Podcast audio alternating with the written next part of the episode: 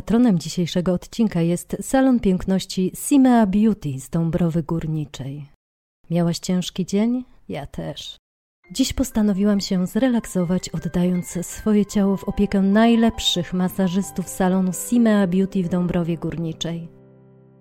W przytulnej atmosferze, słuchając kojącej muzyki i wdychając aromat olejków eterycznych, otrzymałam najlepszy masaż relaksacyjny.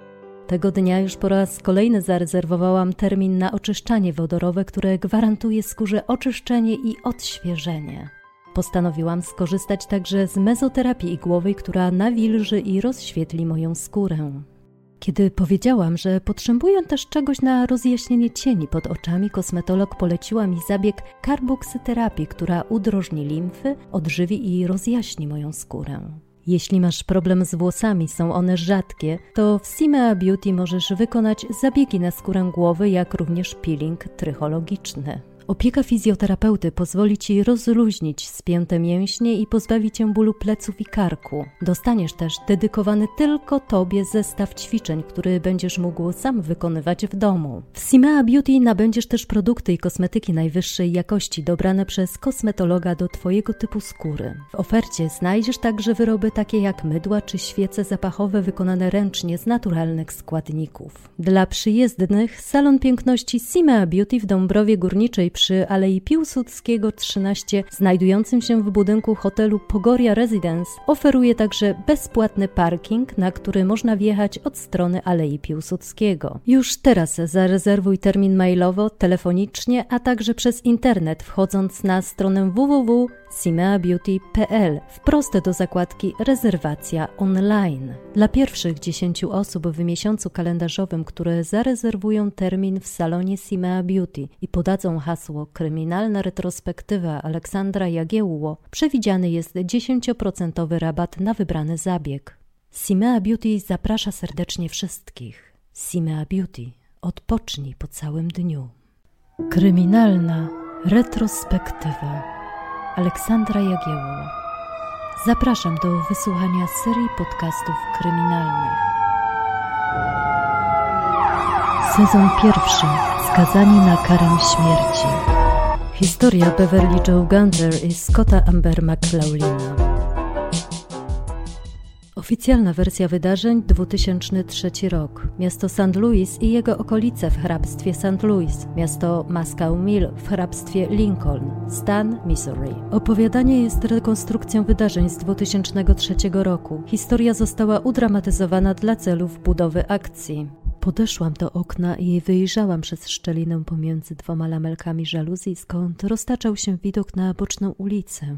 Ruch na niej ustał już godzinę temu, kiedy ostatni klient opuścił biuro. Ustalenie warunków zamówienia na plakietki na smyczach dla pracowników dużej korporacji zajęło nam aż dwie godziny. Przez wybrednego klienta zostałam w pracy dłużej niż zakładałam. Wybiła właśnie godzina 17.30 i wszyscy moi współpracownicy dawno już rozeszli się do domów. Do tego zaczął kropić deszcz i światło migoczącej latarni odbijało się od mokrego asfaltu, co przypominało mi scenę z horroru. Na sam widok mrocznej ulicy zrobiło mi się jakoś zimno. Otrzepało mnie, ale nic dziwnego, była już jesień. Po raz kolejny zadygotałam i potarłam dłońmi ramiona. Podeszłam do recepcji i zarzuciłam na siebie szal, który po lunchu zostawiłam na blacie biurka. Dzisiaj rano obiecałam bratu Alowi, że zadzwonię do niego, zanim wyjdę z biura. Prosił o to, bo martwi się o mnie. Usiadłam na krześle i sięgnęłam po nowiutki telefon komórkowy, po czym z książki telefonicznej wybrałam numer brata. Halo, siostra? Jak, już po robocie?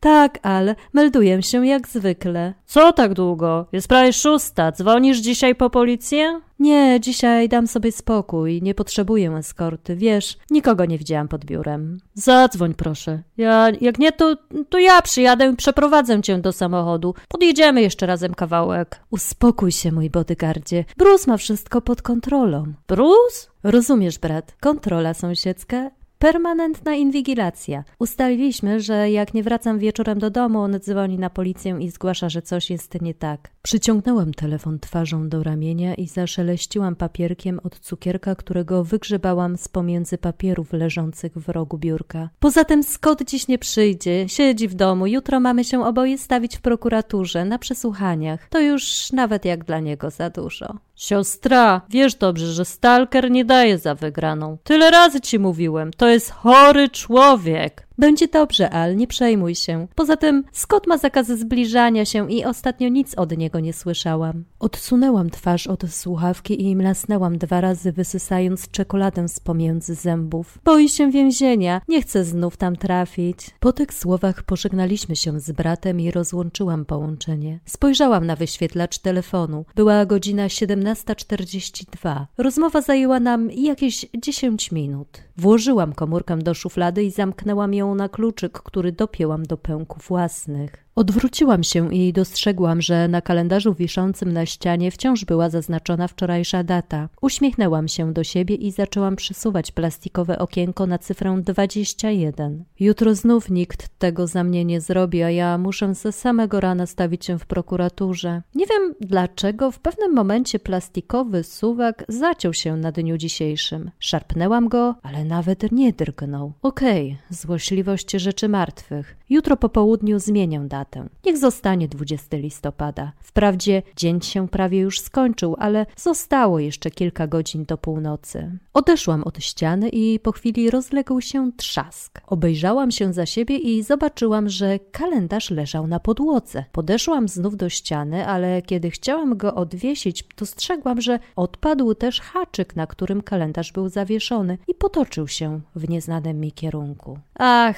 odłożyłam kalendarz na biurku i skierowałam się na tyły biura. Przeszłam część magazynową i załączyłam alarm. Wtem znów usłyszałam trzask i tym razem poczułam chłód. To był przeciąg. Oświeciło mnie, że pewno w toalecie przy magazynie ktoś nie zamknął okna. Poszłam tam i zamknęłam go. Wtedy dziwnie się poczułam. Bardzo nieswojo. Ogarnęły mnie wątpliwości. Może powinnam posłuchać Ala i poprosić policję o eskortę. Ty stara paranoiczko, uspokój się, dodawałam sobie otuchy. Najgorsze to dać się zastraszyć. Przecież Scott nie mógł mi nic zrobić. Stałby się pierwszym podejrzanym. Założyłam na siebie płaszcz wiszący na haku przy drzwiach wyjściowych. Podrzuciłam do góry gruby pęk kluczy, który zadźwięczał i nacisnęłam klamkę ciężkich magazynowych drzwi. Pchnęłam je z całej siły, a te zaskrzypiały. Wyszłam na ażurowe metalowe schody. Wtedy poczułam na twarzy zimny wiatr, który tłumaczył gwałtowne otwarcie się okna i przeciąg w biurze.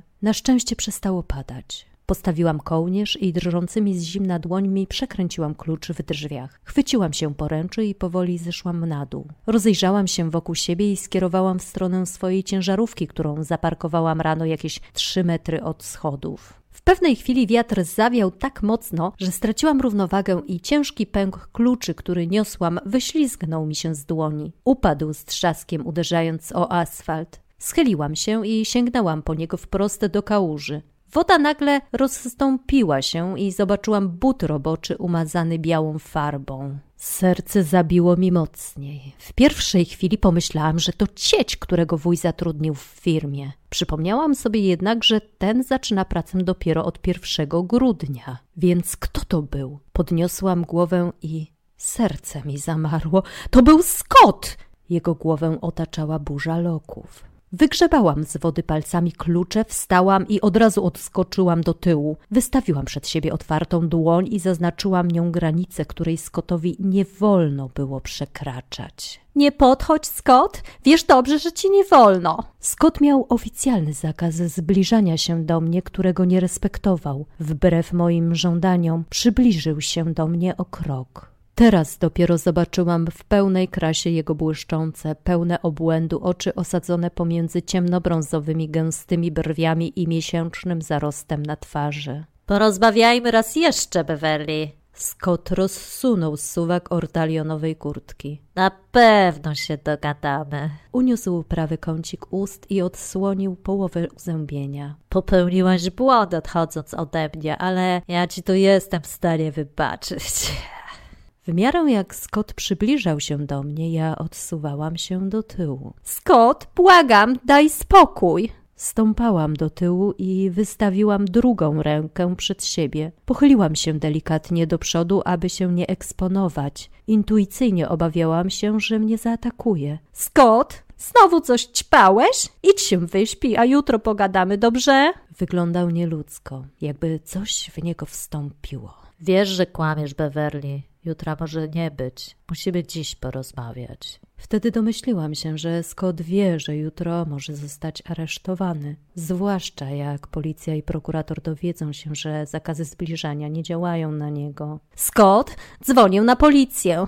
Niezdarnie po omacku otwierałam torebkę zawieszoną na przedramieniu. Na środkowym palcu wciąż miałam przewieszony pęk kluczy. O, widzisz? Mam komórkę, zaraz ją wyciągnę. Wygrzebałam z torebki etui na okulary, które w ciemności przypominało pokrowiec na telefon. Liczyłam, że da się nabrać. Grałam na zwłokę. Miałam świadomość, że jedyny telefon komórkowy, do którego miałam dostęp, leżał zamknięty na recepcji w biurze. O jak głupia, dlaczego go nie zabrałam ze sobą? Ręce drżały mi i nie mogłam tego zahamować. Musiałam wyglądać żałośnie, bo Scott zaśmiał się i coraz to pewniejszym krokiem zbliżał się do mnie. Kiedy znalazłam się na wyciągnięcie jego ręki, ten jedną dłonią chwycił moją pierś, a drugą kark, po czym pchnął mnie do tyłu. Desperacko próbowałam utrzymać równowagę i nie upaść. Nie mogłam nic powiedzieć ani złapać tchu. Z trudem przełknęłam też ślinę. Domyśliłam się, czego chce ode mnie Scott. Zaczęłam się szarpać i wtedy ten pchnął mnie na ziemię. Padłam i uderzyłam biodrem o asfalt. Au!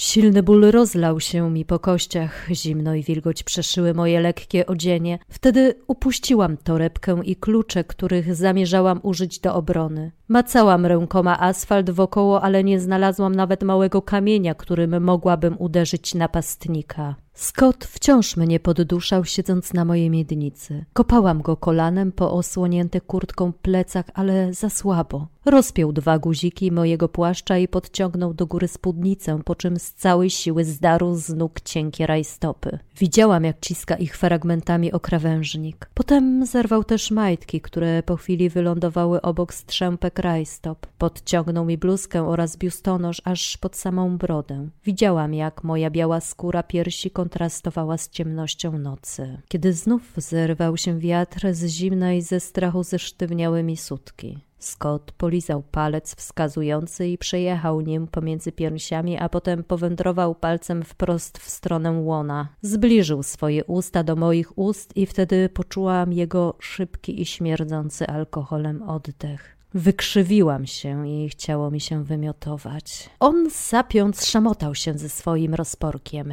Nie mógł skupić się na dwóch czynnościach równocześnie, dlatego zwolnił uścisk na moim gardle. Wykorzystałam moment jego nieuwagi i silne podniecenie. Wyrwałam się z jego uścisku i nabrałam głęboko powietrza. Kiedy Scott uporał się ze zamkiem u spodni, sięgnął do wewnętrznej kieszeni kurtki. Wyciągnął z niego nóż do steków. Serce zaczęło mi tak bić, że zobaczyłam tysiące złotych i srebrnych punkcików unoszących się wokoło. Nigdy wcześniej tylu nie widziałam. W ustach miałam sucho i nie mogłam wypowiedzieć ani słowa. Zresztą po co? To by go tylko rozjuszyło. Nagle poczułam ciepłe ostrze noża na swej kartani. Kiedy przełknęłam ślinę, wbiło mi się w gardykę. Leżałam sparaliżowana. Wtedy rozsunął mi uda i poczułam w kroku rozdzierający ból. Scott nie był delikatny jak kiedyś. Wbijał się gwałtownie, coraz szybciej, szybciej. Bolało. Byłam tak skostniała z zimna, że czułam jedynie ból, który mi zadawał. Próbowałam krzyczeć, ale ten zasłonił mi dłonią twarz. Śmierdziała smarem samochodowym. Nagle odsunął nóż od mojego karku i zamachnął się nim. Wytrzeszczyłam oczy z szoku, ze strachu. Ostrze noża wciąż tańczyło w jego drżącej dłoni. Liczyłam w duchu, że Scott blefuje, że wcale nie chce mnie dźgnąć, tylko nastraszyć, tak jak kiedyś Brusa. Nagle ugryzłam go w opuszek palca. Chyba mocno, bo Scott wykrzywił się i syknął z bólu. Upuścił nóż. W szale zacisnął dłoń w pięść, która z impetem wylądowała na mojej twarzy. Zamroczyło mnie, ale szybko przytomniałam, kiedy usłyszałam, jak ten podnosi z asfaltu nóż. Wtem zamachnął się i po chwili ostrze noża zatonęło w moim karku. Poczułam metaliczny posmak w ustach. Sukienka i stanik pod gardłem robiły się coraz bardziej mokre. Zwinięto na karku materiał stawał się coraz zimniejszy, ale tylko na chwilę, bo po kolejnym razie, który zadał, wylała się kolejna porcja ciepłej cieczy.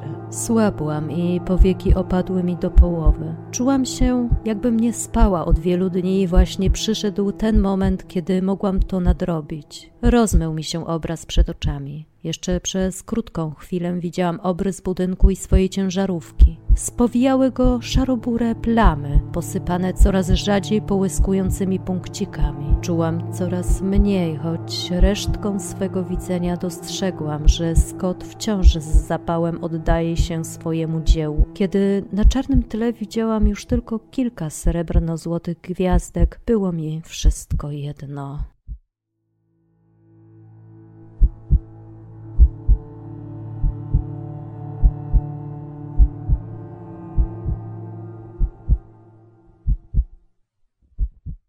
Beverly zakręciła kran w łazience i przetarła zmywak flanelową ścierką. Scott siedział za nią na krawędzi wanny. Od jakiegoś czasu często się kłócili. Atmosfera była coraz bardziej napięta. Scott nie lubił, kiedy Beverly, jak twierdził, trzepocze rzęsami przed każdym klientem w firmie. Wolał ją mieć na oku, więc kiedy tylko nie miał nic innego do roboty, przebywał razem z nią w biurze i towarzyszył jej wszędzie tam, gdzie mogłaby znaleźć się w centrum zainteresowania. A trzeba przyznać, że Scott rzadko miał jakieś zajęcie, więc towarzyszył jej niemalże każdego dnia. Najlepiej, abyś pracowała na magazynie. Co?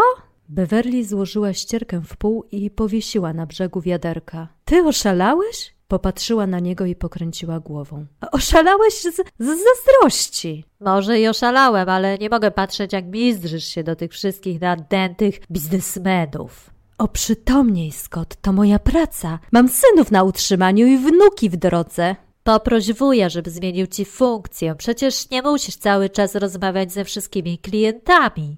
Scott, o czym ty mówisz? Przecież prowadzimy ten biznes razem z wujem. Zaufał mi i chce, żebym to ja doglądała kluczowych klientów. Poza tym Moja praca, Scott, jest dla mnie ważna. Przypominam ci, że to dzięki niej mamy co wsadzić do garnka i opłacić rachunki. Raczej nie wyżylibyśmy z twoich dorywczych pensji. Scott poczuł złość i zaczął drapać się po dłoniach, które coraz bardziej go swędziały i robiły się wilgotne. Działo się to zawsze wtedy, kiedy się denerwował. Zabolały go słowa Beverly, ale miała rację. Najlepsza praca, jaka mu się dotychczas trafiła, to sezonówka na taśmie montażowej w fabryce. Dostał wtedy nawet umowę, ale już dawno wygasła i nie wyglądało na to, aby mógł wrócić na to stanowisko. Beverly ominęła go i w pośpiechu skierowała się do kuchni, gdzie przyrządzała danie na dzisiejszą wizytę jej brata i bratowej. Scott poszedł za nią, a kiedy ktoś zapukał do drzwi wejściowych, instynktownie wtulił się w róg kuchni obok lodówki. To na pewno oni, pomyślał, słysząc głosy dobiegające z werandy.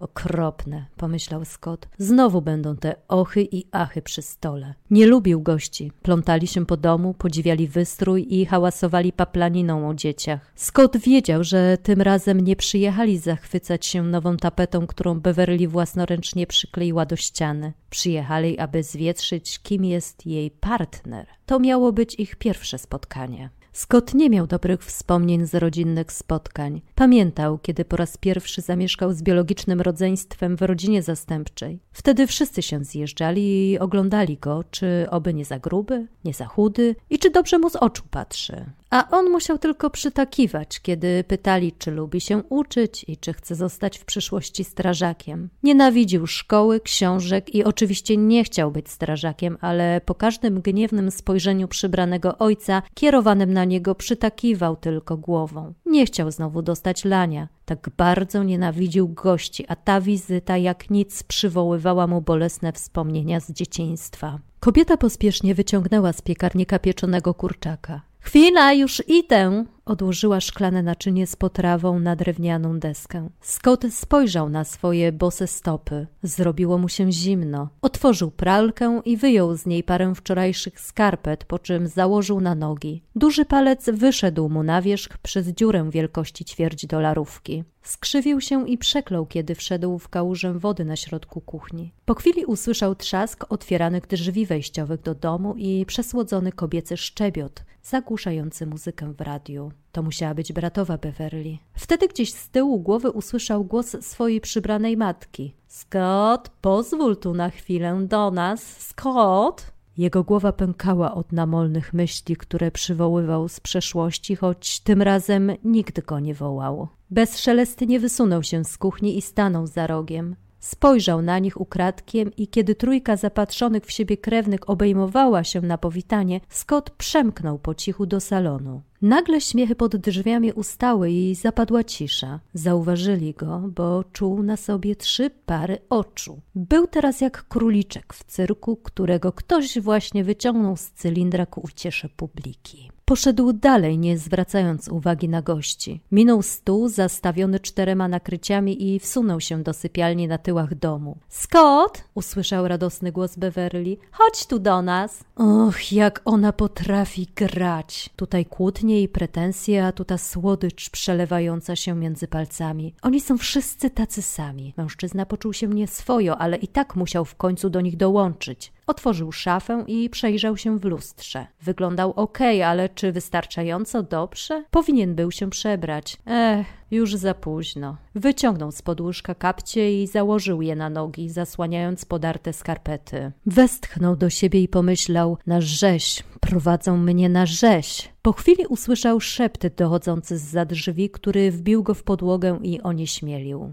Ej, co z nim nie tak? Po chwili szept przerodził się w szelest i nie zrozumiał ani słowa więcej. To jest pułapka, pomyślał. Nie powinien godzić się na ten cyrk z zapraszaniem gości. Lepiej było spotkać się gdzieś na neutralnym gruncie, w barze albo na jakiejś imprezie. Napiłby się piwa na rozluźnienie. Po jednym głębszym przełamałby lody, a potem zgubił gdzieś w tłumie. Ona jednak uparła się, że rodzina powinna spotykać się w domu. Ach, robi z nim co chce, spotyka się z kim chce, a on się na to wszystko godzi. Scott powoli wyszedł z pokoju i zobaczył, jak Sąd Najwyższy nad nim rozsiadł się wygodnie przy stole. Beverly wstała i podeszła do swojego partnera, chwytając go pod ramię. Ten stał wyprostowany, spuścił głowę i spojrzał łba na gości. To jest właśnie Scott. Beverly chwyciła jego dłoń i zaciągnęła do stołu. Brat Beverly Al wstał i podał rękę Scottowi. Potrzymał ją dwie sekundy w powietrzu, zanim Scott wytarł spoconą dłoń w spodnie jeansowe i podał ją Alowi. Ledwo musnął końcówki palców brata Beverly.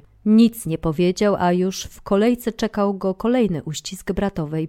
Musiał wyglądać naprawdę nieporadnie, bo kobieta zamiast podać mu dłoń, podeszła do niego i objęła go. Scott poklepał ją po plecach, ale nie miał odwagi odwzajemnić jej mocnego uścisku. Jakoś nie potrafił.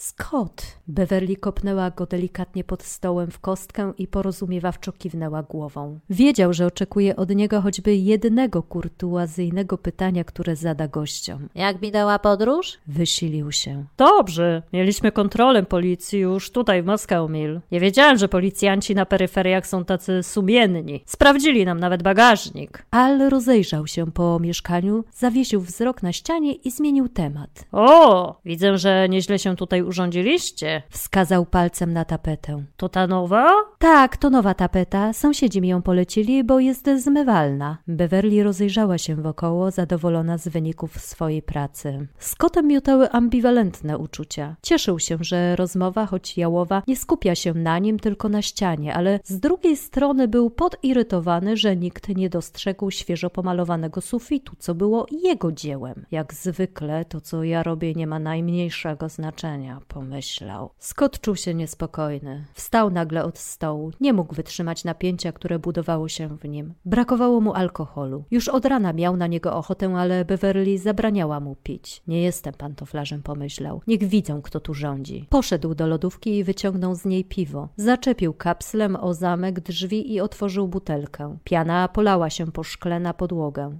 Zignorował to i wytarł flaszkę pod koszulkiem, po czym wrócił do stołu. Usiadł przy nim i duszkiem wlał w siebie pół butelki złotego trunku. Beverly podrapała się po czole, po czym uśmiechnęła do brata i bratowej. Bez komentarza. Nałożyła na ich talerze najlepsze kawałki kurczaka. Całe to spotkanie było dla Scotta jedną wielką porażką. Czuł, że go nie polubili. Był za biedny i nie taki, jakiego sobie wyśnili jej krewni. Nawet nie miał roboty, bo wczoraj skończyły się mu dniówki na zmywaku. Kiedy goście wyszli, ucieszył się. Liczył na to, że szybko nie wrócą. Scott zamknął się w sypialni, położył na łóżku i założył słuchawki na uszy. Te zepsuły się dwa dni temu i nie mógł słuchać muzyki, ale przynajmniej nie będzie musiał słuchać gderania Beverly. Ostatnio miała do niego wyłącznie pretensje. Scott, Scott, gdzie jesteś? Usłyszał jej głośne stąpanie. Porozmawiajmy. W końcu uchyliły się drzwi do sypialni, w których stanęła Beverly. Masz zamiar prawić mi morały? Morały nie, ale muszę bardzo poważnie z tobą porozmawiać. Oparła się pośladkami o biurko, na którym leżała sterta magazynów motoryzacyjnych sprzed dwudziestu lat, które kolekcjonował Scott. Daj mi spokój. Położył się i nakrył kołdrą, dociskając do uszu słuchawki. Beverly podeszła do niego i zdarła mu je z uszu. Zostaw to! Odepchnął ją. Słucha muzyki. Przestań, wiem, że te słuchawki są zepsute. Beverly odskoczyła z powrotem do stoliku naprzeciwko łóżka. Ja, Scott, tak nie dam rady dłużej. Potrzebuję mężczyzny, który zaakceptuje moją rodzinę. Popatrzyła na niego i założyła za ucho swoje długie, ciemnoblond włosy. Mam syna, który wciąż potrzebuje ojca i dobrego przykładu. Niebawem pojawią się wnuki, które będą potrzebowały dziadka. Ja się nie nadaję na dziadka?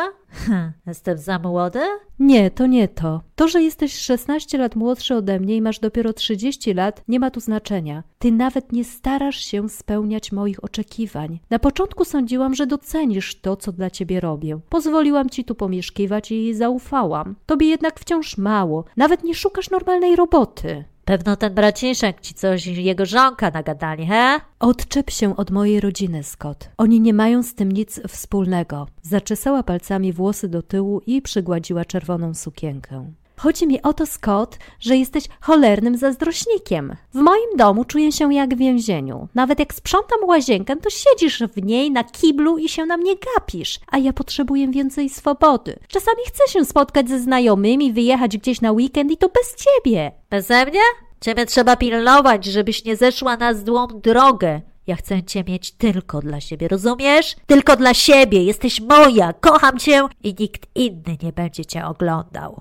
Ej, ty chyba nie wiesz, co mówisz. Wiesz w ogóle, co to znaczy kochać? Jak ty mi nawet nie ufasz. Zapadła cisza. Scott, między nami koniec, rozumiesz? Od dzisiaj śpisz w salonie. Beverly skierowała się w stronę drzwi i po chwili odwróciła się. Pomyśl proszę o wyprowadzce. Nie możesz tutaj długo zostać. Nie jestem twoim wrogiem, ale myślę w pierwszej kolejności o moich synach i wnukach. Nick jest jeszcze dzieckiem. Już mówiłaś. Scott odwrócił się, wyciągnął spod głowy poduszkę i nakrył nią twarz. Naraz stała w nim złość. Zerwała z nim. Od tak! Jak ona śmiała! Pomalował sufit i wara! Tylko do tego byłem jej potrzebny. Nakręcał się. Musiał wyjść z domu, bo bał się, że ją uderzy w twarz, albo bał się nawet pomyśleć, do czego mógłby być jeszcze zdolny w tej sytuacji. Próbował trzymać nerwy na wodzy, ale szło mu to opornie. Czuł, jakby ktoś zarzucił mu czarny filtr na oczy. Kłęby myśli, jak ołowiana kula ciążyły mu na czole, nie pozwalając skupić się na pozytywach, co doradzał mu psychiatra. Cholera. Mruknął do siebie. Przypomniał sobie o lekach, których nie zażył. Skończyły się. Antydepresanty pomagały, ale nie miał już ani jednej pigułki. Poszedł do łazienki i zajrzał na półkę wiszącą obok zlewu. Przejrzał stojące tam fiolki i znalazł jedną pełną z naklejką Lexapro. Pisało, że tabletki działają przeciwlękowo i antydepresyjnie. Nie były jego, ale co tam?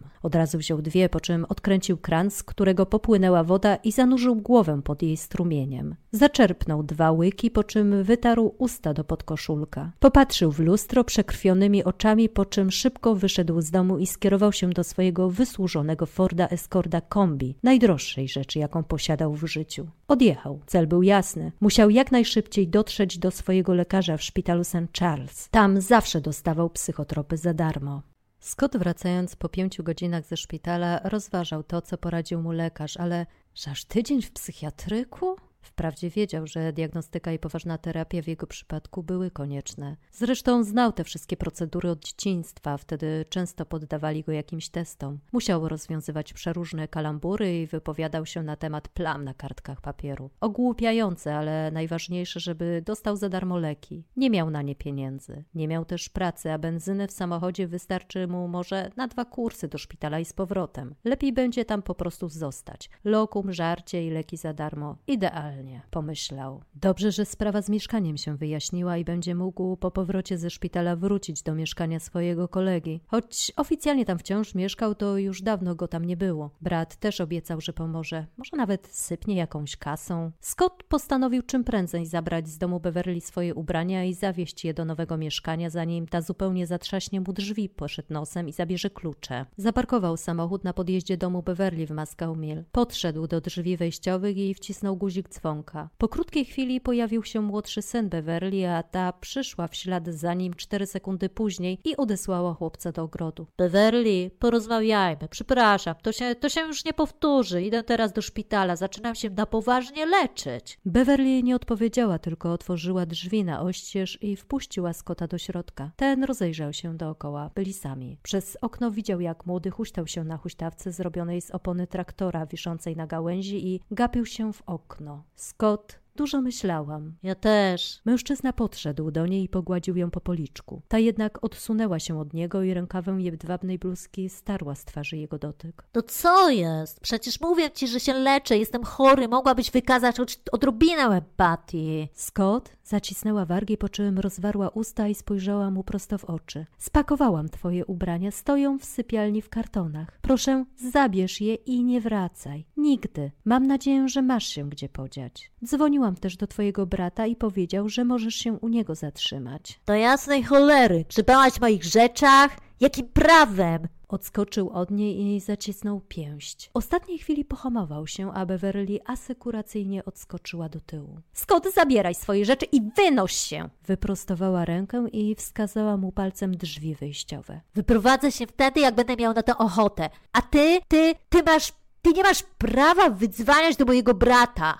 No chyba, chyba, że ci się spodobał. Z tobą to nigdy nic nie wiadomo. Beverly stała niewzruszona, a jej ręka niczym drogowskaz wskazywała mu jedyną słuszną drogę. Scott otarł dłonią twarz, po czym z zaciśniętymi pięściami niemalże w podskokach ruszył do sypialni, skąd wytargał trzy kartonowe pudła i ustawił je na trawniku tuż przy swoim samochodzie. Potem poszedł do kuchni i wyciągnął z kontaktu wtyczkę od zamrażarki. Zaczął wypychać urządzenie spod ściany na środek kuchni. Mocował się z nim, bo było ciężkie. Otworzył wieko i zauważył, że wypełnione było po brzegi mrożonkami. Beverly wyrwała kabel urządzenia z ręki Scotta i wtyczką uderzyła go w plecy, po czym wypchnęła z mieszkania. Zatrzasnęła za nim drzwi i zasunęła zasówkę. Scott zatoczył się i zatrzymał dopiero metry przed kartonami. Splunął na trawnik i kopnął w jeden z pakunków. Pudełko otworzyło się i jego trzy pary szarych slipów oraz koszula flanelowa wylądowały na świeżym kretowisku. Splunął raz jeszcze na pożółkłą od słońca trawę i wsadził kartony na tylne siedzenie samochodu. Bieliznę i koszulę wrzucił do bagażnika, po czym wsiadł do swojego Forda Escorta kombi i odjechał z piskiem opon. Przyspieszył na drodze osiedlowej i w ostatniej chwili ominął dzieciaka, który wybiegł na ulicę za piłką do koszykówki. Pomyślał, że nie może tego tak zostawić. Beverly uzurpowała sobie prawo do zamrażarki. To był ich wspólny majątek, czyli w zasadzie należał do Scotta. Musiał to odzyskać. Jak wyjdzie ze szpitala, zjawi się tutaj ponownie i odbierze swoje i, i to z nawiązką. Wściekły planował. Lepiej, żeby Beverly nie robiła mu wtedy problemów. Wyjechał na główną drogę i otworzył schowek po stronie pasażera. Liczył na to, że znajdzie w nim papierosy, które dostał od brata na gorsze czasy. Stamtąd jednak zamiast paczki fajek wypadły klucze do mieszkania Beverly. Zapomniał ich oddać. Świetnie, pomyślał widząc je. Zdjął nogę z gazu i podniósł z wycieraczki klucze, nie tracąc z oczu szosy. Podrzucił je i złapał, uśmiechając się do siebie, po czym cisnął nimi na siedzenie pasażera. Teraz już na pewno odbierze swoją swoją zamrażarkę. Nic nie stało na przeszkodzie. Dodał gazu i skierował się na południe St. Louis, gdzie mieszkał jego brat. Scott zabrał ze sobą papierową torebkę, w którą lekarz zapakował mu pigułki. Po tygodniu pobytu w szpitalu ochłonął nieco i zdystansował się do całej tej sytuacji. Nie potrafił jednak zapomnieć o Beverly i w momencie, kiedy przekroczył bramy psychiatryka, znów zaczął intensywnie myśleć o swoich krzywdach. Przecież to dla niej, dla niej podjął leczenie. Chciał wyjść przecież na ludzi, może nawet teraz znajdzie sobie pracę. Hmm. Tak czy inaczej, jeśli ona znów go odrzuci, to i tak będzie mu musiała oddać zamrażarkę. Nie miał zamiaru robić jej prezentów. Przecież taki sprzęt mógł z łatwością sprzedać i odzyskać choć trochę kasy. Kiedyś kupi sobie nową, lepszą. Och, ten pobyt w szpitalu dodał mu jednak wiary w siebie. Teraz musiał koniecznie porozmawiać z Beverly, wyjaśnić wszystko i naprawić całą tą patową sytuację. Zmienił się przecież. Teraz stał się innym człowiekiem, dobrym człowiekiem. Ciekawe, czy ona to zauważy. Była godzina 15, więc Beverly powinna za niedługo wrócić z pracy do domu. Docisnął gazu i skierował się wprost do Moscow Mill. W pewnym momencie usłyszał dźwięk telefonu komórkowego, który wibrował mu w saszetce przypiętej do pasa. Wyciągnął zużyty stary telefon, który doładowywał raz w miesiącu pod warunkiem, że miał na to fundusze. Po tym, jak wydzwonił wszystkie darmowe minuty do Beverly, odbierał jedynie połączenia przychodzące. Na wyświetlaczu zauważył migoczące imię swojego brata. Bill, no co tam? Wyszedłeś już? Przyjechać po ciebie? Nie, nie trzeba, już jadę. Będę za jakieś dwie godziny. Mam jeszcze coś do załatwienia po drodze. Scott przyhamował do 30 km na godzinę i skręcił w boczną drogę. Jechał utrzymując prędkość aż do momentu, jak brat zrelacjonował mu treść korespondencji, która właśnie do niego przyszła. Ty, stary, jest pismo od Glyn. Masz zakaz zbliżania do tej twojej byłej. Wtedy Scott przyspieszył do siedemdziesiątki w terenie zabudowanym i wyhamował dopiero kiedy przejechał uliczkę, w którą zamierzał skręcić. Co? Podkablowała mnie? No, chłopie, daj se na wstrzymanie. Wracaj do domu, bo znowu cię zamkną. Cholera, no przecież nie podaruję jej tego. Uspokój się i wracaj. Scott nic nie odpowiedział, tylko rozłączył się. Telefon znów zaczął wibrować i brzęczał jeszcze przez kolejne pięć minut, ale po chwili zamilkł. Kiedy Scott wjechał na osiedle, przejechał ulicą do samego jej końca, mijając po drodze w równych odstępach ustawione domy mobilne. Kiedy zbliżył się do domu Beverly, stojącym na samym końcu ślepej uliczki, zauważył jej samochód na podjeździe. W drzwiach stał jej sąsiad Bruce. Scott potarł swędzącą go ze złości twarz i wpatrywał się we werandę domu byłej dziewczyny. Co on tam robi? pomyślał. Zatrzymał samochód i zaparkował pięćdziesiąt metrów od nich. Ci odwrócili się w jego stronę i szybko schowali w domu Beverly. Scott zaśmiał się pod nosem, pocierając usta. Chowajcie się, chowajcie, mam klucze i w każdym momencie mogę wam przerwać tę sielankę. Scott wyciągnął telefon. Chciał koniecznie zadzwonić do Beverly i powiedzieć jej, co o niej myśli, że jest zwykłą kablarą i nie liczy się z nim i jego uczuciami. Wyjął telefon z saszetki i zauważył, że urządzenie jest rozładowane. Cisnął nim o deskę rozdzielczą. Znów się zdenerwował i poczuł, jak podnosi się mu ciśnienie krwi. Co za...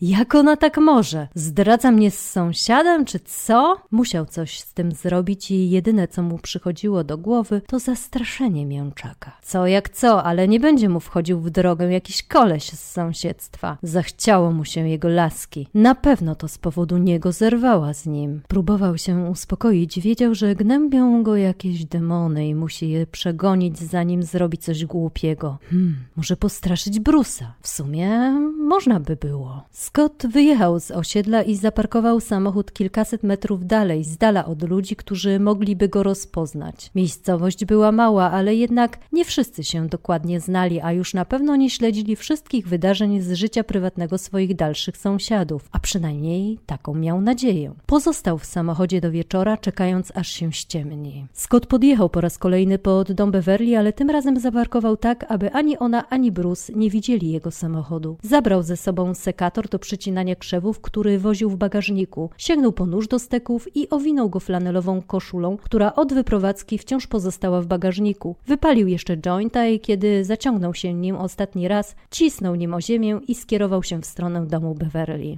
Światła w domu paliły się, a na podjeździe wciąż stała jej ciężarówka. Bruce na pewno był u siebie, bo widział przez okno jego głowę. Oglądał telewizję. Na werandzie zauważył ulubione buty Beverly, które zakładała do pracy. Dziwił się, że eleganckie czułenka zostawiła na zewnątrz, ale było mu to nawet na rękę. Sięgnął po sekator i zaczął je ciąć. Delektował się każdym zaciśnięciem dłoni na rękojeściach narzędzia. Kiedy z butów pozostały jedynie strzępki, zabrał je i wrzucił na przyczepę jej samochodu, po czym schował się za krzewem, skąd jeszcze przez pięć minut obserwował jej okna. Ale się zdziwi rano, pomyślał śmiejąc się pod nosem. Kiedy zauważył, że ta zaciąga rolety, podszedł pod dom Brusa. Schował się za krzewem, skąd mógł obserwować mężczyznę. Nagle ten wstał i podszedł do okna. Scott nie miał wątpliwości, że Bruce telefonował. Zaglądał przy tym raz po raz w stronę domu Beverly, więc musiał rozmawiać właśnie z nią. Czym prędzej podszedł pod drzwi jego domu i przykucnął za kontenerem na śmieci, deptając przy tym klomb z różami. Pomyślał, że Bruce zaraz wyjdzie spotkać się z Beverly. Jeśli nie, to musiał go jakoś wywabić z mieszkania. Kiedy zauważył, że sąsiad jego byłej dziewczyny usiadł przed telewizorem, nie wahał się ani chwili i zapukał delikatnie do drzwi. Liczył, że może pomyśli, że z taką subtelnością może pukać tylko Beverly i otworzy mu drzwi bez zbędnej zwłoki. Po chwili usłyszał szczekanie psa i trzask, jakby coś metalowego upadło na podłogę. To tam! Scott nic nie odpowiedział, tylko raz jeszcze zapukał do drzwi. Po chwili rozległ się jazgot przesuwanych zasówek i przekręcanego klucza w zamku. Bruce stanął w progu domu w bokserkach i koszulce polo. Oczy powiększyły mu się dwukrotnie, kiedy zobaczył Scotta. Próbował zamknąć przed nim drzwi, ale Scott pchnął je z całej siły, próbując wejść do środka. Bruce nie był przygotowany na taki atak i runął na ziemię całym ciałem. Jednak szybko się podniósł i wypchnął intruza za próg, aż pod sam krzew, za którym wcześniej schował się Scott. Ten był mniejszy od Brusa, ale rozjuszony zazdrością i nienawiścią rzucił się na niego. Po chwili wyjął nóż, którego nawet nie odwinął z flaneli. Chwycił kark Brusa dłonią i przyłożył mu ostry szpic noża do szyi. Trzymał go tak przez kolejne trzy sekundy. Zostaw ją i nie wcinaj się między nas. Sami to załatwimy między sobą, rozumiesz? Bruce przytaknął trzykrotnie głową. Po chwili Scott otoskoczył. Sam nie wiedział, dlaczego nie brał pod uwagę, że przecież w domu sąsiada mogła być jego rodzina. W zasadzie nie miał pojęcia, czy mieszkał sam, czy z kimś. Nigdy nie interesowali go obcy ludzie, dopóki nie zaczęli się wtrącać w jego życie. Scott puścił Bruce'a i uciekł w stronę swojego samochodu. Po drodze znalazł końcówkę jointa, którego wcześniej wypalił i schował w kieszeni spodni. Wolał nie zostawiać po sobie śladów. Był pewien, że Beverly od razu zorientuje się, że pocięte buty na przyczepie to była jego robota. Na szczęście nikt tego nie widział. Brusa też załatwił dyskretnie i nikt nie dałby wiary jego oskarżeniom. Scott obudził się, spojrzał na zegarek. Dochodziła ósma rano. Spodziewał się, że na telefonie zobaczy kilka nieodebranych połączeń od Beverly. Znalazł jedynie kilka SMS-ów z powiadomieniami o nieodebranych poprzedniego dnia połączeniach od swojego brata, a na środku wyświetlacza widniała data 27 października 2003 roku. To już pół roku temu z nim zerwała, a on wciąż nie może o niej zapomnieć. Wyłączył ładowarkę, zabrał telefon i poszedł do kuchni. Wypił duszkiem resztkę mleka stojącego na stole. Nikogo nie było. Brat pewno w robocie. Podłapał jakąś fuchę. Ten pomyślał Scott. Zawsze przy kasie. Scott nic sobie nie robił z kawałka papieru z zakazem zbliżania, który otrzymał od policji. Sięgnął po niego, przeczytał, podarł i strzępki papieru wyrzucił do kosza na bioodpady stojącego pod zlewem. Wciąż miał klucze do mieszkania Beverly, a ona przetrzymywała jego zamrażarkę. Miała też kilka rzeczy, które powinna mu zwrócić. To był ich wspólny majątek, do którego rościł sobie takie same prawa jak i ona. Musiał tam pojechać i zabrać to, co należało do niego. Wsiadł do samochodu. Kiedy odpalił silnik, zauważył, że kończy mu się paliwo. Cholera, pomyślał. Wrócił do domu i wyjął 100 dolarów z szafki. Brat ciułał kasę na szarą godzinę. Oddam mu jak z pieniężem fanty z domu Beverly pomyślał. Po przeszło godzinie na oparach paliwa przejechał miasto St. Louis, zatankował za miastem, aby było taniej i od razu skierował się do Moscow Mill. Zdecydował się zaparkować z tyłu domu na dużym parkingu po drugiej stronie drogi przelotowej prowadzącej do St. Louis. Od tyłu podszedł do domu, otworzył drzwi kluczem i wszedł do środka. Pierwsze co, skierował się do salonu, a później do sypialni. Wyszperał na dnie szafy stare pudełko do przeprowadzek i w pośpiechu zaczął pakować w niego wszystko to, to, co wpadło mu właśnie w oko. Pierwsze, co znalazł, to sterowany samochód RC na baterię, a potem dekoracje świąteczne, płyty DVD, kasety VHS. Rozłączył także zestaw stereo i ustawił przy drzwiach, po czym poszedł do łazienki. Stamtąd zabrał dezodorant, szlafrok, szczoteczkę do zębów i z szafki wyciągnął antydepresant, którego kiedyś spróbował. Wziął go tak na wszelki wypadek, gdyby mu znów zabrakło tych, które dostaje od lekarza. Z sypialni wyniósł jeszcze pościel i kilka ubrań. Na koniec nie patrzył na to, co pakuje. Brał wszystko jak leci. Pomyślał, że przesortuje je, jak wróci do domu. W kuchni dostrzegł też puszkę po ciastkach i o dziwo na blacie leżał zestaw do makijażu, który również uznał za przydatny. Wyniesienie wszystkich łupów do samochodu zajęło mu 10 minut. Teraz musiał przejść do najważniejszego punktu programu zamrażarki. Pomyślał, że powinna się zmieścić w bagażniku jego kombi, ale nie był tego pewien. Z łatwością przesunął ją na środek kuchni i wypchnął na tyły budynku. Zdecydowanie była lżejsza niż poprzednim razem. Dochodziła dwunasta w południe. Usłyszał głos dzieciaków na sąsiednim podwórku i odwrócił się za siebie. Na środku drogi stał Bruce, który obserwował go, trzymając przy uchu komórkę. Bez wątpienia rozpoznał go, bo kiedy spotkali się wzrokiem, ten wbiegł do swojego domu i zatrzasnął za sobą drzwi.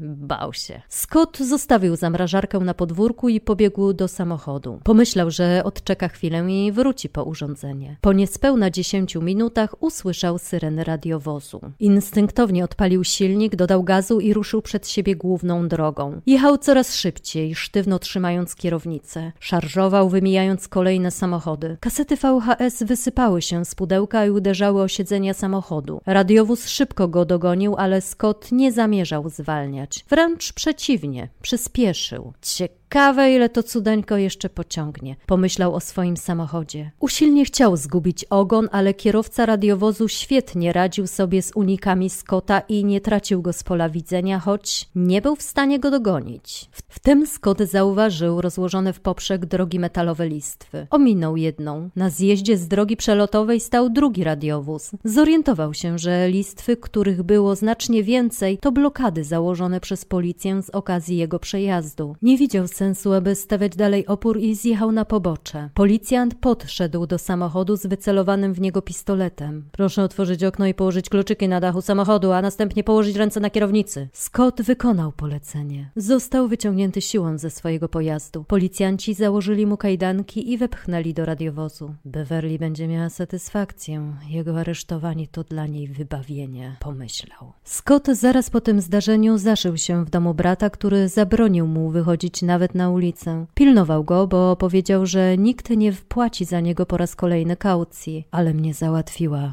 Była godzina 14.30, kiedy ktoś zapukał do drzwi. Scott wyjrzał przez wisier i rozpoznał znajomą mu twarz listonosza. Znał wszystkich dostawców w okolicy, bo teraz to on odbierał pocztę. Siedział przez 24 godziny w domu i nie miał nic do roboty. Otworzył drzwi. W twarz uderzył go zimny listopadowy powiew wiatru, który zawiał do domu kilka suchych liści. Pan Scott? Pracownik poczty poprawił okulary, próbując odczytać nazwisko odbiorcy. Tak, to ja. Uprzedził go Scott. Doręczyciel spojrzał na niego, po czym podał mu wilgotną kartkę. Proszę tu podkwitować. Pokazał palcem miejsce na parawkę na wydruku. I tu jeszcze. Podał mu drugą kopertę i znów kolejny druk do podpisania. Listonosz zdjął z głowy czapkę jokejkę i machnął nią na pożegnanie, po czym pojechał dalej. Scott obejrzał koperty, obie były z urzędu i obie zaadresowane do niego. Jedna na pewno dotyczyła włamania, ale co zawierał drugi list? Wszedł do środka i usiadł na fotelu, po czym zaczął czytać jeden po drugim. Po przeczytaniu pierwszego listu serce zabiło mu mocniej, bo w liście pisało, że 18 listopada oskarżono go o włamanie. Cholera, jakie włamanie! Przecież tłumaczył, że odebrał z domu swoje rzeczy. Beverly oskarżyła go i dali jej wiarę, a nie jemu. Cisnął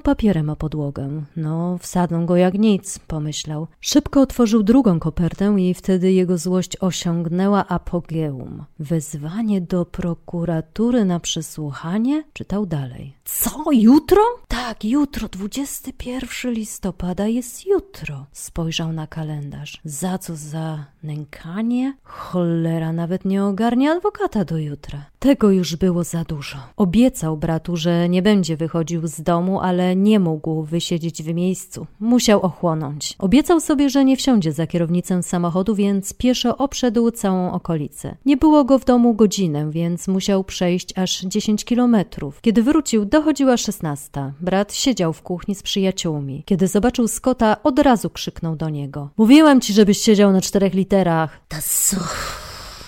Nie skończył. Wiem, czytałem pisma, uspokój się. Siadaj tu i napij się z nami piwa, dobra? Bill wskazał mu palcem miejsce przy stole. Otworzył puszkę piwa dla Scotta i postawił na blacie. Pojadę z tobą jutro na to przesłuchanie. Coś wymyślimy. Zabiję ją. Nie mam zamiaru przez nią znowu siedzieć. Mówię, siadaj. Bill wstał od stołu. W tym samym momencie Scott porwał ortalionową kurtkę wiszącą na oparciu krzesła i nie słuchając próśb brata, wybiegł z domu. Wsiadł do swojego wysłużonego eskorta i odjechał z piskiem opon. W lusterku widział Billa stojącego na środku drogi. Wymachiwał obiema rękoma, nieskutecznie próbując zawrócić brata do domu. Był kwadrans po szesnastej. Robiło się już ciemno. Od Air City dzieliło go może z pół godziny drogi. Jak się pospieszy, to jeszcze zdąży złapać Beverly w biurze. Musiał ją powstrzymać. Musiała wycofać swoje oskarżenia przeciwko niemu. Kiedy dojechał na miejsce, ciężarówka kobiety stała na tyłach budynku budynku. Od frontu paliły się światła, ale na parkingu nie było nikogo. Dobrze, pomyślał, pewno jest sama. Co ona sobie myślała, że jak wsadzi go do pierdela, to będzie miała spokój? Nie,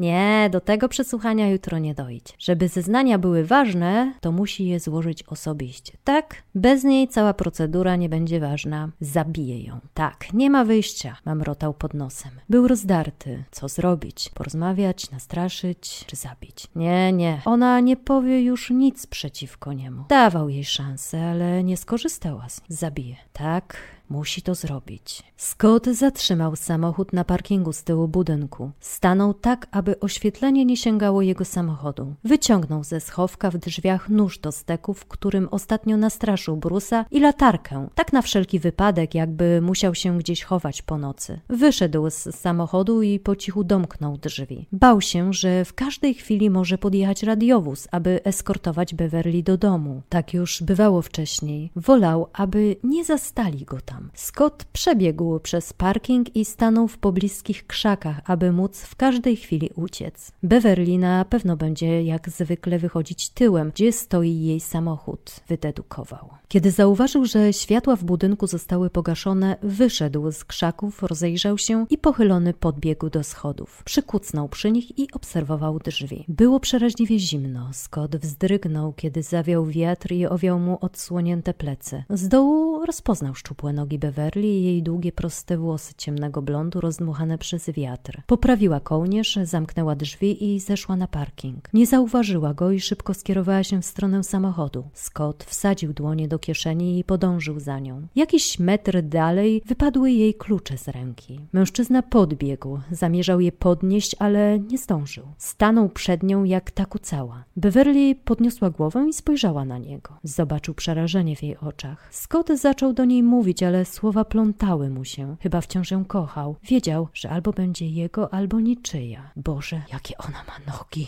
Nie mogła zeznawać i nie mógł iść do więzienia. Pocałuje ją albo nie, zabije. Scott miał bałagan w głowie, którego nie mógł uporządkować. Musiał zrobić coś, co go uspokoi. W sumie nie wie, jak to się stało, ale rzucił się na nią. Pozbył się wszystkich elementów jej garderoby, które przeszkadzały mu dostać się do jej ciała. Tak, ten jeden, jedyny, ostatni raz musiał ją dotknąć, musiał ją poczuć. Podniecało go, kiedy się szamotała i wyrywała. Miał nad nią przewagę. Teraz poczuje, gdzie jest jej miejsce, a on był panem i władcą sytuacji. Kiedy wierzgnęła, przycisnął jej do karku nóż. O tak, tak, teraz ją zdobył. Niech się boi. Kiedy ta nadal nie chciała mu się dobrowolnie oddać, uderzył ją w twarz i dźgnął nożem w kark. Z rany popłynęła jej krew. Nie wiedział sam dlaczego, ale potrzebował usiłował zrobić to jeszcze kilka razy. I zrobił to. Dźgnął ją jeszcze raz i kolejny, aż Beverly przestała się ruszać. Po chwili zauważył, że trzyma w ręku trzonek od noża. Ostrze opadło i dźwięcznie uderzyło o asfalt. Kiedy skończył, wstał, zebrał jej rozrzuconą bieliznę i wsadził do kieszeni kurtki. Podniósł jej ciało z asfaltu i bez chwili zastanowienia przeniósł przez parking i wrzucił na tylne siedzenie samochodu. Teraz musiał koniecznie pozbyć się jej zwłok. Jedyne miejsce, jakie dobrze znał i było odludne, to Ballerive Park. To nieopodal domu brata, więc zatrzyma się w drodze powrotnej i wrzuci jej ciało do rzeki Mississippi, żeby spłynęło z nurtem. Znajdą ją na wiosnę przy jakiejś tamie, uspokajał swoje grzeszne sumienie. Przejechał jakieś 45 kilometrów, co o tej porze dnia zajęło mu trzy kwadranse. Podjechał jak najbliżej rzeki po te same wały, wysiadł z samochodu i wyjął ciało Beverly. Było jeszcze wiotkie i wypadło mu z rąk. Był tak zmęczony, że nie potrafił jej nawet podnieść. Położył ją na ziemię i wyjął sznurek wciśnięty w tył bagażnika. Sięgnął do kieszeni spodni po klucz od samochodu, po czym używając go jak piły, przejechał kilka razy po włóknach sznurka, odcinając dwa metrowe kawałki. Związał dłonie i nogi Beverly, aby było mu wygodniej nieść jej ciało. Resztkami sił zaczął wyciągać ją na wał. Po chwili poczuł, że coś owinęło mu się wokół kostki. Położył ciało Beverly na ziemi i wyszarpał nogę z pnącza jakiegoś krzaka. Znów podniósł ciało, ale pnącza tego samego drzewa oplotły się wokół jej nogi. Nie dał rady jej podnieść i do tego był bardzo słaby. Upewnił się jeszcze, że nikt go nie widzi i porzucił ciało na wale. Kiedy zszedł z wału, zauważył kosz na śmieci. Sięgnął do kieszeni kurtki i wyrzucił do niego bieliznę Beverly, po czym skierował się do samochodu. Spadam stąd, pomyślał. Oczy mu się zamykały ze zmęczenia. Muszę się położyć, pomyślał i wyjechał na drogę prowadzącą do domu brata.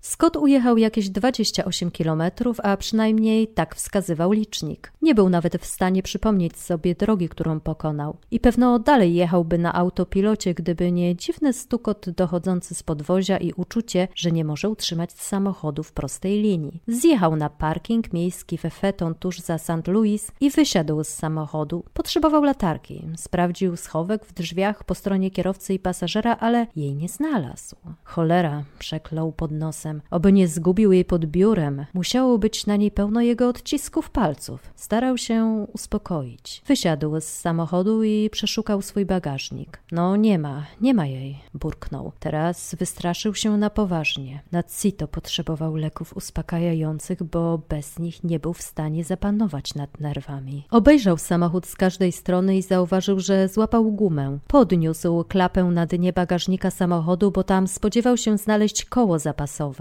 Było pusto. Nie miał nawet klucza, żeby odkręcić koło. Robiło się coraz zimniej, więc wsiadł do samochodu. Muszę się przespać, choć na chwilę. Pomyślał i po chwili zasnął. Kiedy się obudził, sięgnął po telefon. Na wyświetlaczu odczytał, że był kwadrans po północy i znalazł kilka nieodebranych połączeń od brata. Wybrał ikonę książki telefonicznej i przewertował zapisane w niej numery telefonów znajomych. Spośród wielu wybrał swoją starą znajomą, którą poznał na imprezie i pamiętał tylko z imienia.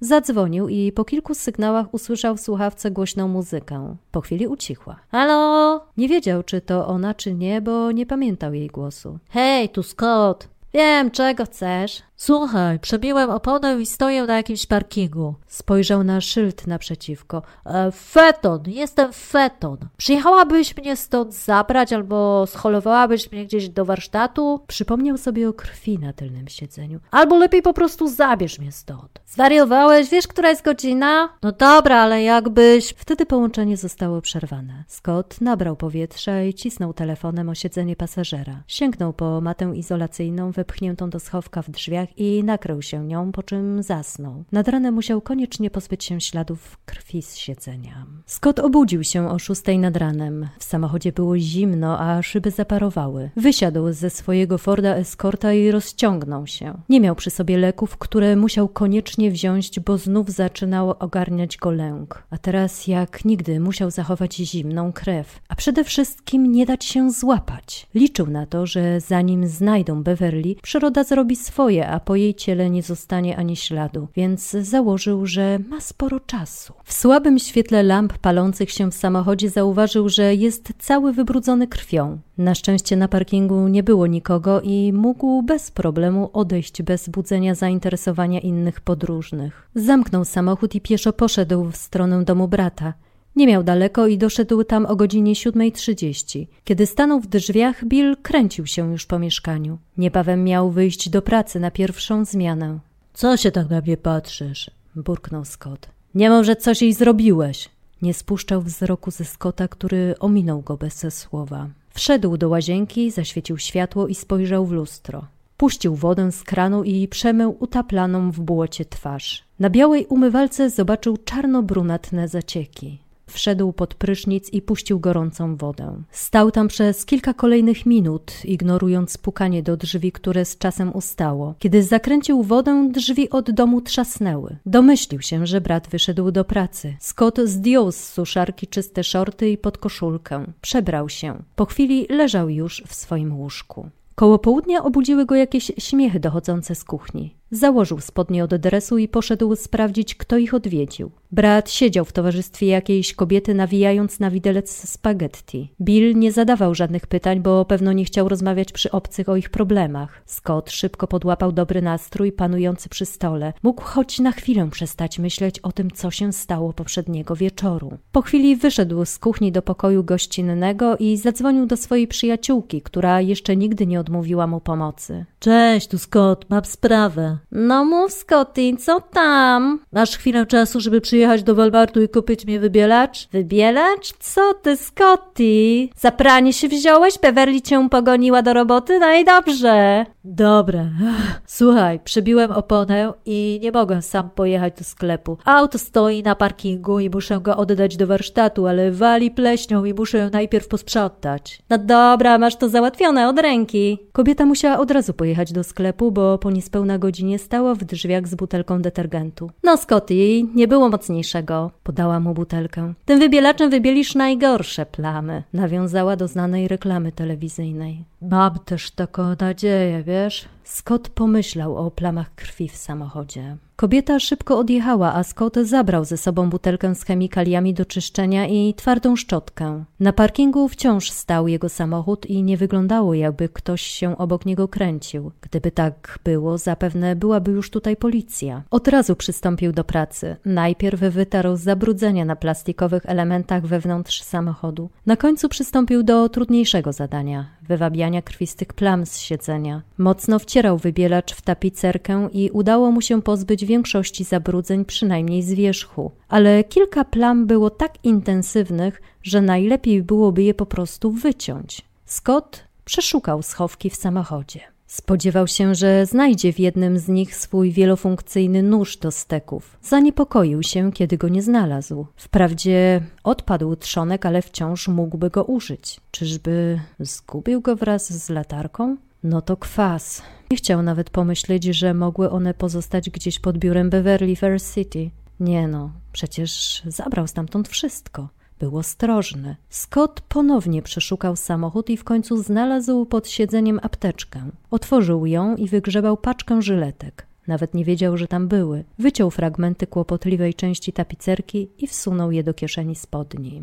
Scott, nie zważając na zimno, usiadł na ziemi, opierając się o przebite koło samochodu. Znowu się zmęczył, ale jego emocje opadły, kiedy pozbył się dowodów zbrodni. Nie dawało mu tylko spokoju, gdzie jest nóż do steków, którym zabił Beverly i gdzie jest jego latarka. To myślenie spowodowało, że znów źle się poczuł jeszcze gorzej niż poprzedniego dnia. Pomyślał, że nie ma już na co czekać. Sięgnął po telefon i zadzwonił do swojego starego przyjaciela, przed którym do tej pory nie miał żadnych tajemnic. Oczywiście nie miał zamiaru mu się zwierzać, że kogoś zabił, ale liczył na to, że ten zawiezie go do szpitala St. Charles. Potrzebował pomocy lekarza, bo leki, które mu ostatnio dał, zdawały się przestać działać. Zanim ostatecznie ustalił, że kolega zawiezie go do szpitala swoim samochodem, Scott zdążył zarejestrować się na jakiś ostatni termin przyznawany pacjentom w tak zwanych nagłych przypadkach. Recepcjonistka, która z nim rozmawiała, jakoś dziwnie nie mogła połapać się w systemie. Pytała go dwa razy o imię i nazwisko, datę urodzenia. Słyszał, jak klika coś w komputerze. Przerywała rozmowę, po czym wracała i znów kazała mu czekać. W międzyczasie słuchał jakiejś irytującej melodyjki. W końcu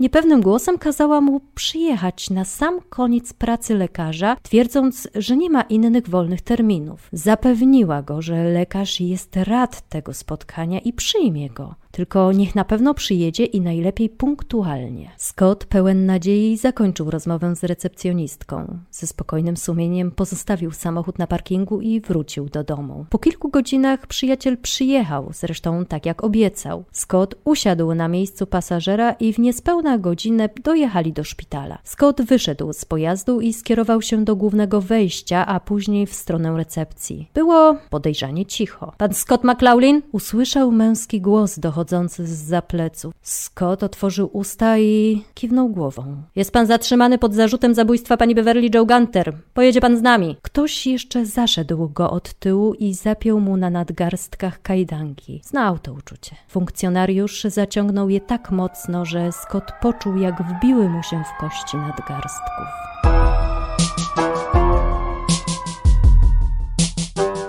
Fakty z śledztwa i procesu sądowego.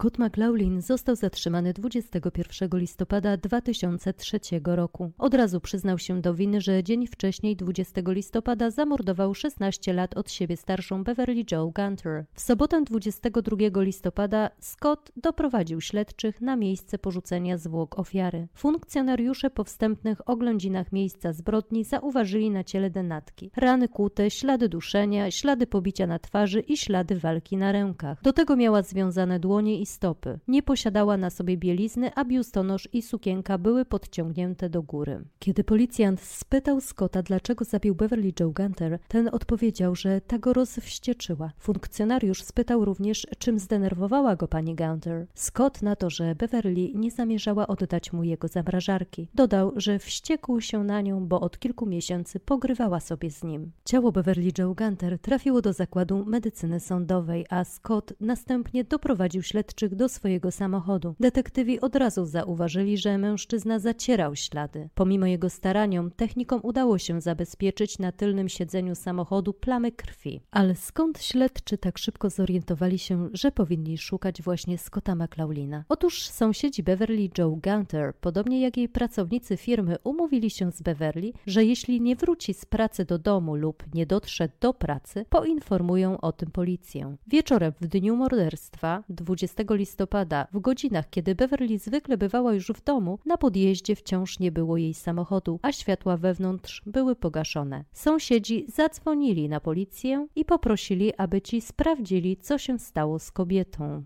Funkcjonariusze w pierwszej kolejności pojechali do firmy, w której pracowała Beverly. Tam znaleźli na parkingu jej ciężarówkę. Obeszli ją dookoła i zauważyli na asfalcie plamę krwi w kształcie wachlarza. Później dostrzegli również stróżkę krwi. Poszli jej śladem, ale ten urwał się przy pustym miejscu parkingowym. Po drodze znaleźli też zakrwawiony nóż i latarkę. Wtedy założyli najczarniejszy scenariusz, że mają do czynienia z morderstwem. Od razu połączyli zaginięcie Beverly Joe Gunter ze Scottem McLaughlinem. Ze względu na notoryczne łamanie przez niego zakazu zbliżania się do Beverly i jego bogatą przeszłość kryminalną, był on pierwszym na liście podejrzanych i poszukiwanych przez policję. 21 listopada recepcjonistka w szpitalu St. Charles otrzymała informację, że Scott McLaughlin, który tego samego dnia umówił się w ich placówce na konsultację psychiatryczną, jest poszukiwany przez policję. Od razu poinformowała o tym śledczych, którzy którzy przyjechali na miejsce i w godzinach popołudniowych aresztowali zaskoczonego Scotta. Kilka dni po zabójstwie na biurko śledczych trafił protokół z sekcji zwłok ofiary. Lekarz zaznaczył, że w ciele kobiety wykrył materiał DNA należący do Scotta McLaughlina, co oznaczało, że kobieta została przez niego zgwałcona. Autopsja wykazała również, że na ciele ofiary znaleziono liczne zewnętrzne obrażenia, które powstały już po jej śmierci. Ponadto ofiara miała zasiniaczony nos, zadrapania na twarzy, szyi i nadgarstkach, krwotok w oku i oznaki duszenia, które powstały stały jeszcze za życia. Bezpośrednią przyczyną zgonu Beverly Joe Gunter było wykrwawienie się w wyniku przebicia aorty szyjnej. Śledczy porównali wyniki badań DNA wykonanych na podstawie próbek krwi pobranych z plam w samochodzie sprawcy i próbek krwi ofiary. Okazały się być zgodne. Tym samym ostatecznie potwierdzili, że Scott McLaughlin przewoził w swoim samochodzie ciało ofiary.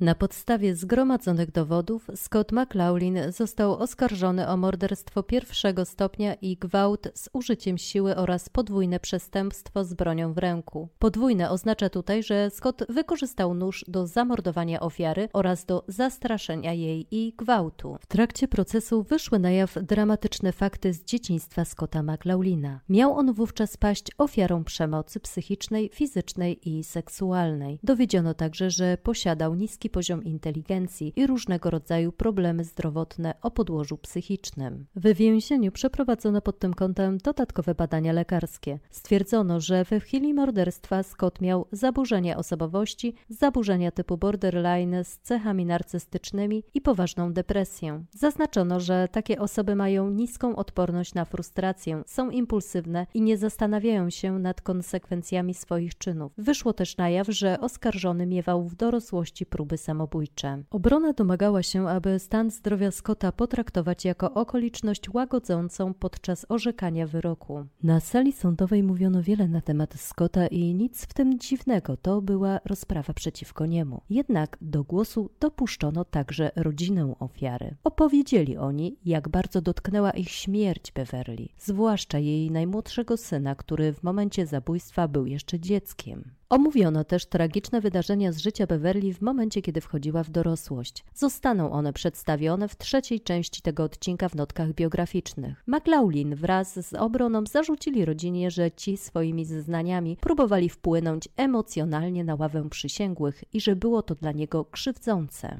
W trakcie rozprawy Scott McLaughlin posunął się nawet do tego, aby oskarżyć swojego brata Williama McLaughlina o pomoc w związaniu nadgarstków i kostek ofiary. Podobno miał on również gwałcić Beverly. Mężczyzna został na tę okazję przesłuchany, ale śledczy jednogłośnie wykluczyli, jakoby to on miał brać udział w zbrodni. Badania DNA również potwierdziły jego niewinność. Co ciekawe, obrońcy Scotta w 2016 roku oskarżyli jego wcześniejszych adwokatów, że ci nie próbowali dowieść winy Williama. Obrona McLaughlina twierdziła też, że skoro w śledztwie nie dowiedziono, czy do gwałtu doszło przed czy po śmierci ofiary, można założyć, że oskarżony dopuścił się nekrofilii, a nie gwałtu. Scott twierdził, że nie można zgwałcić kogoś siłą, jeśli ten już nie żyje. Uznano, że Scott McLaughlin zabił swoją ofiarę, bo ta mogłaby oskarżyć go o nękanie. 21 listopada 2003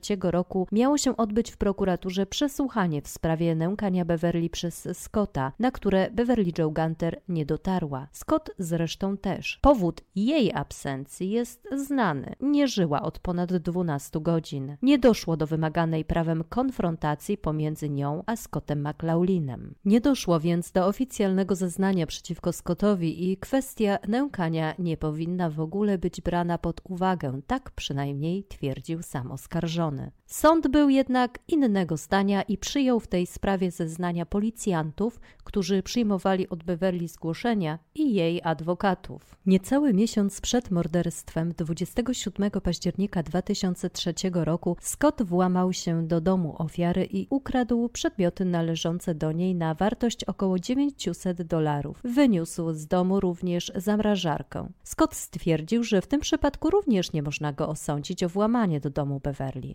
Argumentował to tym, że świadek, którym był Bruce, sąsiad Beverly Joe, nie widział Scotta, jak ten wchodził do domu swojej byłej dziewczyny. Widział go jedynie na posesji ofiary. Należy wspomnieć, że Scott wchodził do domu Beverly tylnymi drzwiami. Domniemam, że dom Beverly stał pomiędzy drogą główną, na którą prowadziły tylnie drzwi, a drogą osiedlową, od strony której znajdowało się główne wejście do domu ofiary. Scott zaparkował samochód na parkingu po drugiej stronie drogi głównej Głównej. Natomiast dom Brusa znajdował się przy drodze osiedlowej i nie miał on podglądu na tylne wejście do domu ofiary. Sąd odrzucił te argumenty, ponieważ Beverly Joe rozpoznała skradzione rzeczy i potwierdziła, że należały one wyłącznie do niej. Ponadto oskarżony uciekł z miejsca zdarzenia, kiedy pojawiła się policja i uciekał przed radiowozem podczas pościgu, czym potwierdził swoją winę. W 2006 roku Scott McLaughlin został oskarżony o morderstwo pierwszego stopnia i gwałt z użyciem siły oraz przestępstwo z bronią w ręku tylko w kontekście morderstwa. Zarzucono mu silną deprawację umysłu i nikczemność. Za to przestępstwo stan Missouri przewidział dla sprawcy karę śmierci. Ława przysięgłych wzięła pod uwagę środki łagodzące, czyli trudne dzieciństwo Scotta oraz jego problemy psychiczne. Właśnie przez to ławnicy nie doszli ostatecznie do porozumienia, czy kara śmierci jest tutaj proporcjonalna do czynów sprawcy. Według prawa Missouri, jeśli ława przysięgłych nie jest jednomyślna w swej decyzji, wówczas wyrok wydaje sędzia. Tak stało się i tym razem i ten wymierzył Scottowi najwyższą karę za morderstwo, czyli karę śmierci. Do tego oskarżony dostał podwójny wyrok dożywocia, kolejno za gwałt i napaść z bronią w ręku. Scott został osadzony w więzieniu dla mężczyzn w Potosi Correctional Center. W 2016 roku Scottowi cofnięto karę śmierci. Jego nowi obrońcy złożyli apelację, zarzucając wcześniejszym adwokatom nieskuteczną obronę oskarżonego. Stwierdzono, że ława przysięgłych była błędnie instruowana i nie powołano biegłego sądowego z zakresu psychiatrii, który oceniłby stan psychiczny McLaulina. Karę śmierci przywrócono po kolejnej apelacji w 2021 roku, orzekając, że opinia biegłego nie wpłynęłaby na wyrok i uchylono zarzut dotyczący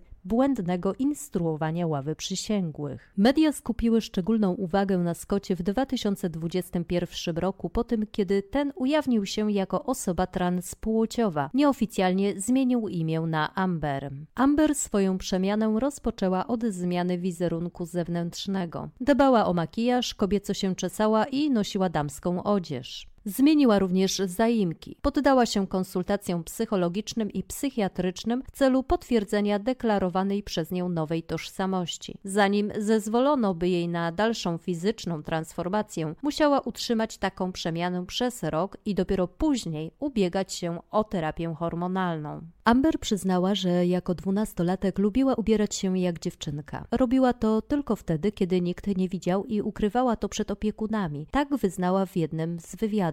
Lekarze ostatecznie stwierdzili u niej dysforię płciową, czyli zaburzenie identyfikacji płciowej. Amber cierpiała w swoim męskim ciele, ponieważ czuła się kobietą. Ten fakt obrona również poruszyła we wniosku o ułaskawienie. Nie był to jednak główny argument mający przemówić na korzyść Amber. Decyzja i tak należała do sędziego. Scott Amber McLaughlin byłaby pierwszą osobą transpłciową uśmierconą na stole egzekucyjnym. Amber poznała w więzieniu również transpłciową Jessica Hicklin. Kobieta, podczas gdy była osadzona w męskim więzieniu, wywalczyła dostęp do terapii hormonalnej dla transpłciowych więźniów. Dotychczas w więzieniach taka terapia była dostępna jedynie pod warunkiem, że osadzony rozpoczął ją na wolności. Dzięki wygranej rozprawie sądowej Jessica mogła rozpocząć w więzieniu swoją własną transformację. Amber i Jessica zaprzyjaźniły się ze sobą i Jessica zaczęła wspierać nową przyjaciółkę w jej przemianie. Stwierdziła, że kiedy poznała Scotta, był nieśmiały. Kiedy po jakimś czasie spotkała już Amber, dostrzegła, że ta zmiana miała sens, bo Amber od momentu jej metamorfozy tryska radością i pewnością siebie. Amber nigdy formalnie nie zmieniła swojego męskiego imienia. W dokumentach widniała jako Scott McLaughlin. Przebywała w więzieniu dla mężczyzn, ponieważ przydział więzienia zależy od tego, jakie osadzone ma genitalia, a nie jest uwarunkowany jego tożsamością płciową. W jesieni 2022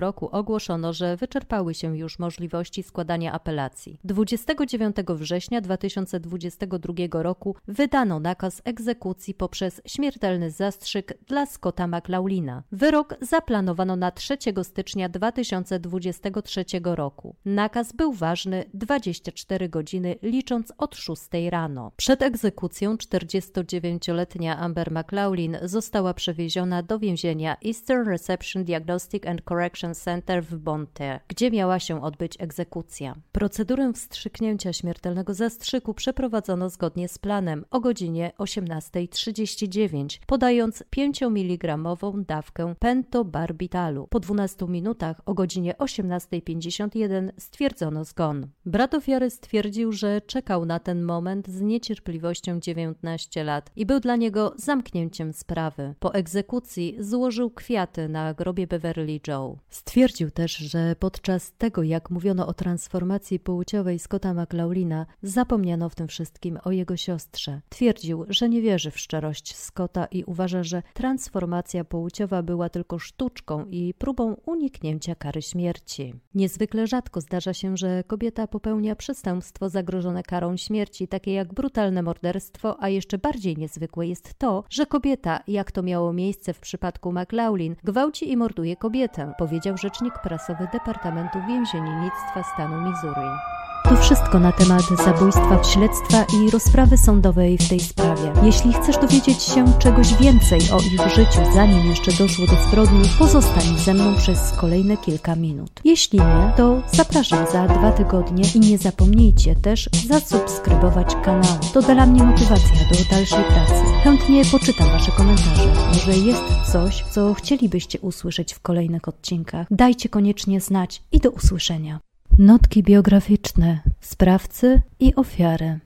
W domu państwa Widepool święta Bożego Narodzenia 1957 roku upływają w nastroju oczekiwania na narodziny ich pierwszego dziecka. Kiedy nadchodzi dzień 28 grudnia, 18-letniej Berenice i 22-letniemu Alfredowi rodzi się córeczka Beverly Joe. Rodzina mieszka w małej miejscowości San Ann w hrabstwie St. Louis, liczącej w tym czasie blisko 10 tysięcy mieszkańców. To takie typowe amerykańskie przedmieście. W ciągu kolejnych lat mała Beverly Joe zyskuje jeszcze dwóch młodszych braci Alfredowi Alfreda i Daniela. Mocno zżyta ze sobą pięcioosobowa rodzina uwielbia wspólnie spędzać czas na świeżym powietrzu. We wakacje wyjeżdżają na kempingi, a pani Widelpool, która jest ogniwem spajającym wszystkich domowników, z pasją prowadzi dom i ogród, a także dba o rodzinę. Chętnie przygotowuje przetwory z własnych upraw, a dom ozdabia własnym rękodziełem. Rodzina opiekuje się statkiem domowych zwierząt, co szczególnie podoba się małej Beverly. Dziewczynka nawiązuje przyjacielską więź ze swoim sześć lat młodszym bratem Alfredem, na którego którego rodzina mówi zdrobniale Al. Przez całe dzieciństwo rodzeństwo bawi się razem. W lecie jeżdżą konno, a w zimie na sankach. Omawiają ze sobą wszystkie tematy i doradzają sobie w życiowych sprawach.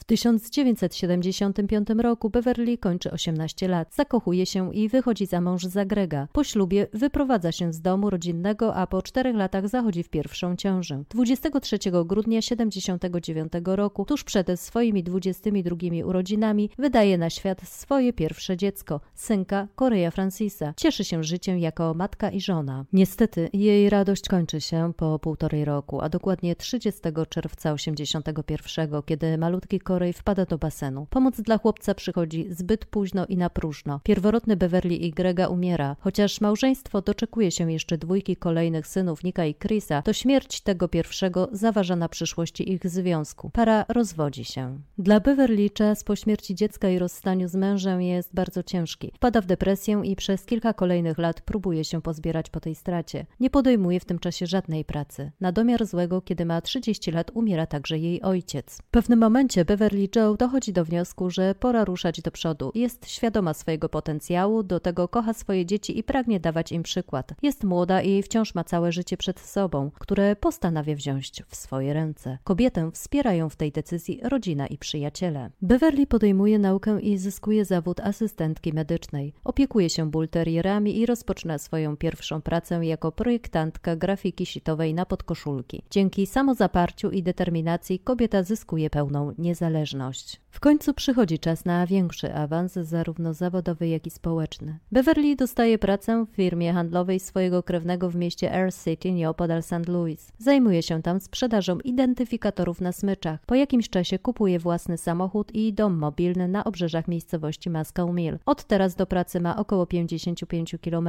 Nowy dom Beverly to podłużny budynek o lekkiej konstrukcji, ale przyczepa kampingowa, architektonicznie typowy dla tego regionu. Mill zamierza zamieszkuje młode społeczeństwo, w tym połowa to dzieci. Na zaledwie 8 km kwadratowych jest około 800 gospodarstw domowych. Wszyscy się znają, przynajmniej z widzenia, dlatego Beverly Joe szybko poznaje nowych sąsiadów, w tym Bruce'a i zaprzyjaźnia się z nimi. W 2001 roku kończy 44 lata. Jest stateczną kobietą, cieszy się życiem, często spotyka przyjaciół, wychowała już dzieci i w końcu zostaje także babcią. Oczywiście nie taką babcią z chustką na głowie i w podomce, o nie. Beverly jest atrakcyjną kobietą, nie tylko ze względu na swoją osobowość i życiowe osiągnięcia, ale także i wygląd. To bardzo zadbana, elegancka kobieta o smukłej sylwetce, długich nogach, pociągłej twarzy, niebieskich oczach i długich ciemnoblond włosach. Dostrzegają to również mężczyźni. Beverly Joe wie o tym i postanawia to wykorzystać. Chce dać sobie jeszcze jedną szansę na miłość i poszukać partnera, z którym spędzi resztę życia. W 2002 roku poznaje Scotta McLaughlina, 29-letniego mieszkańca miejscowości Riot City, oddalonej od jej domu w Moscow Mill o 25 km.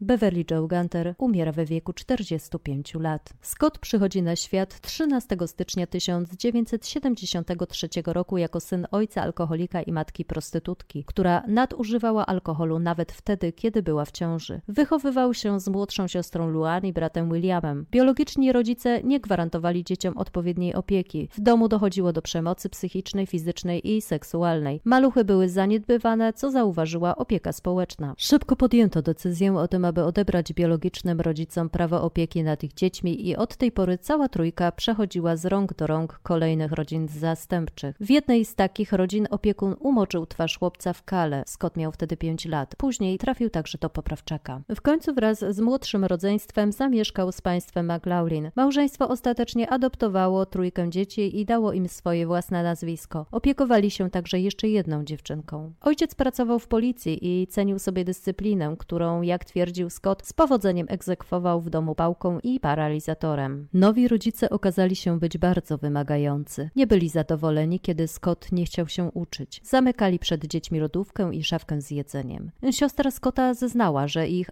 adopcyjna matka kazała bratu topić młode koty w wiadrze z wodą. Jego koledzy niechętnie odwiedzali go w domu, bo przypominał im dom grozy i tak go też nazywali. Chłopiec bardzo słabo się uczył. Kiedy Scott miał 9 lat, nauczyciele polecili, aby poddać chłopca kompleksowym badaniom psychologicznym. Testy wykazały IQ na poziomie 82, co oznaczało, że jego inteligencja wynosiła znacznie poniżej przeciętnej. Do tego Scott miał problemy językowe i postanowiono przyjrzeć się bliżej jego stanu zdrowia. Po bardziej szczegółowych badaniach zdiagnozowano zespół ADHD oraz lekkie uszkodzenie mózgu, spektrum alkoholowych zaburzeń płodowych, trudności w uczeniu się, stany depresyjne i problemy adaptacyjne. Jego stan określano jako poważny i najpoważniejszy w całej szkole. W styczniu 1992 roku, kiedy miał 19 lat, napadł i wykorzystał seksualnie 14-latkę. Został za to skazany na karę więzienia. Wyszedł na wolność warunkowo. Widniał na oficjalnej liście przestępców seksualnych. Zdarzały mu się też